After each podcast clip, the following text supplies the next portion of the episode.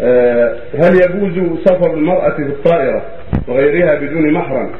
آه، أو الذهاب بها إلى المدرسة أو السوق مع غير محرمها؟ وإذا كان لا يجوز فبماذا تنصحون من يفعل ذلك؟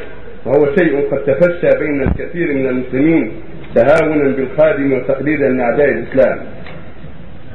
أما سفر المرأة بدون محرم فهذا لا يجوز وقد نص الشارع على ذلك. ونص النبي صلى الله عليه وسلم على منع ذلك. فقال في الأحاديث الصحيحة لا تسافر المرأة إلا مع ذي محرم.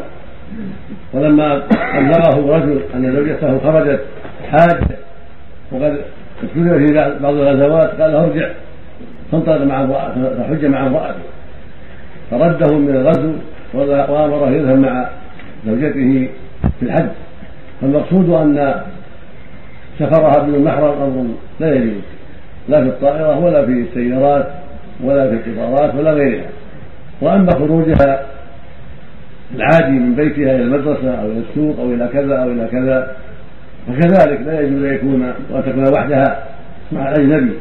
لكن لا يشترط المحرم يكفي يكون معها غير المحرم لأجل زوال الخلوة.